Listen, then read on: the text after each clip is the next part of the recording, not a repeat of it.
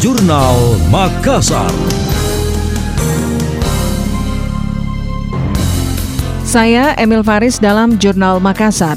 Menteri Sosial Risma Tri Maharini mengatakan akan berkoordinasi dengan Kementerian PUPR dan Kementerian Komunikasi dan Informatika untuk memperbaiki dasar sungai dan jaringan telekomunikasi yang rusak akibat banjir dan longsor di Kabupaten Luwu, Sulawesi Selatan. Demikian disampaikan Mensos saat melakukan kunjungan kerja meninjau lokasi bencana di Kecamatan Walendrang, Kabupaten Luwu. Menurut Mensos Risma, dua hal itu perlu segera dibenahi agar masyarakat bisa kembali beraktivitas normal. Dalam kesempatan itu, Mensos Risma juga memberikan santunan kepada empat ahli waris korban yang meninggal dunia akibat bencana tersebut. Masing-masing korban mendapat santunan sebesar 15 juta. Sejauh ini Kemensos melalui Tagana telah menyalurkan bantuan senilai 500 juta lebih. Rinciannya yakni dari Gudang Regional Makassar, bantuan yang disalurkan berupa 900 paket sembako dan paket lainnya senilai 300 juta lebih. Kemudian dari Gudang Dinsos Provinsi Sulawesi Selatan, nilai bantuan sebesar 130 38 juta lebih.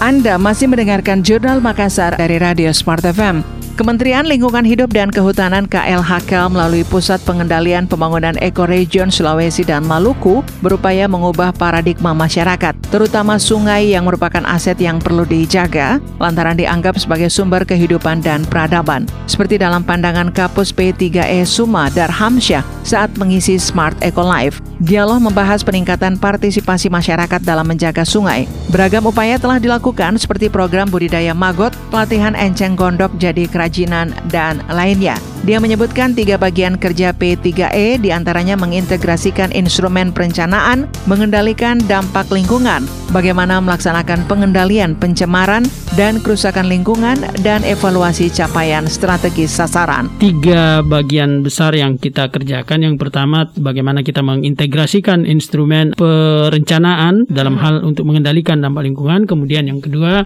bagaimana kita melaksanakan pengendalian pencemaran dan kerusakan lingkungan termasuk juga masalah sampah dan limbah B3 dan yang terakhir kita mengevaluasi capaian-capaian strategis sasaran-sasaran yang ada di wilayah ini. Kita melihat bahwa beberapa sungai kita kondisinya cukup bagus tapi beberapa yang masih kurang bagus dan inilah yang ditindaklanjuti oleh Ibu Mary ke masyarakat.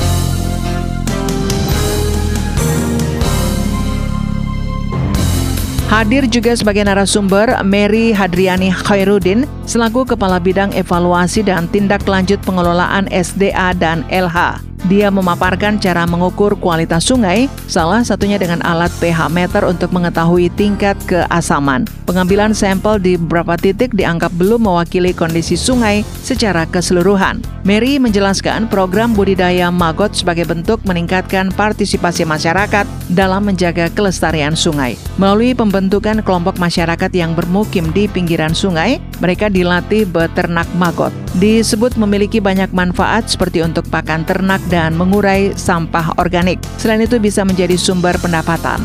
Estimasi hasil penjualan magot dalam 1 kg bisa mencapai Rp150.000.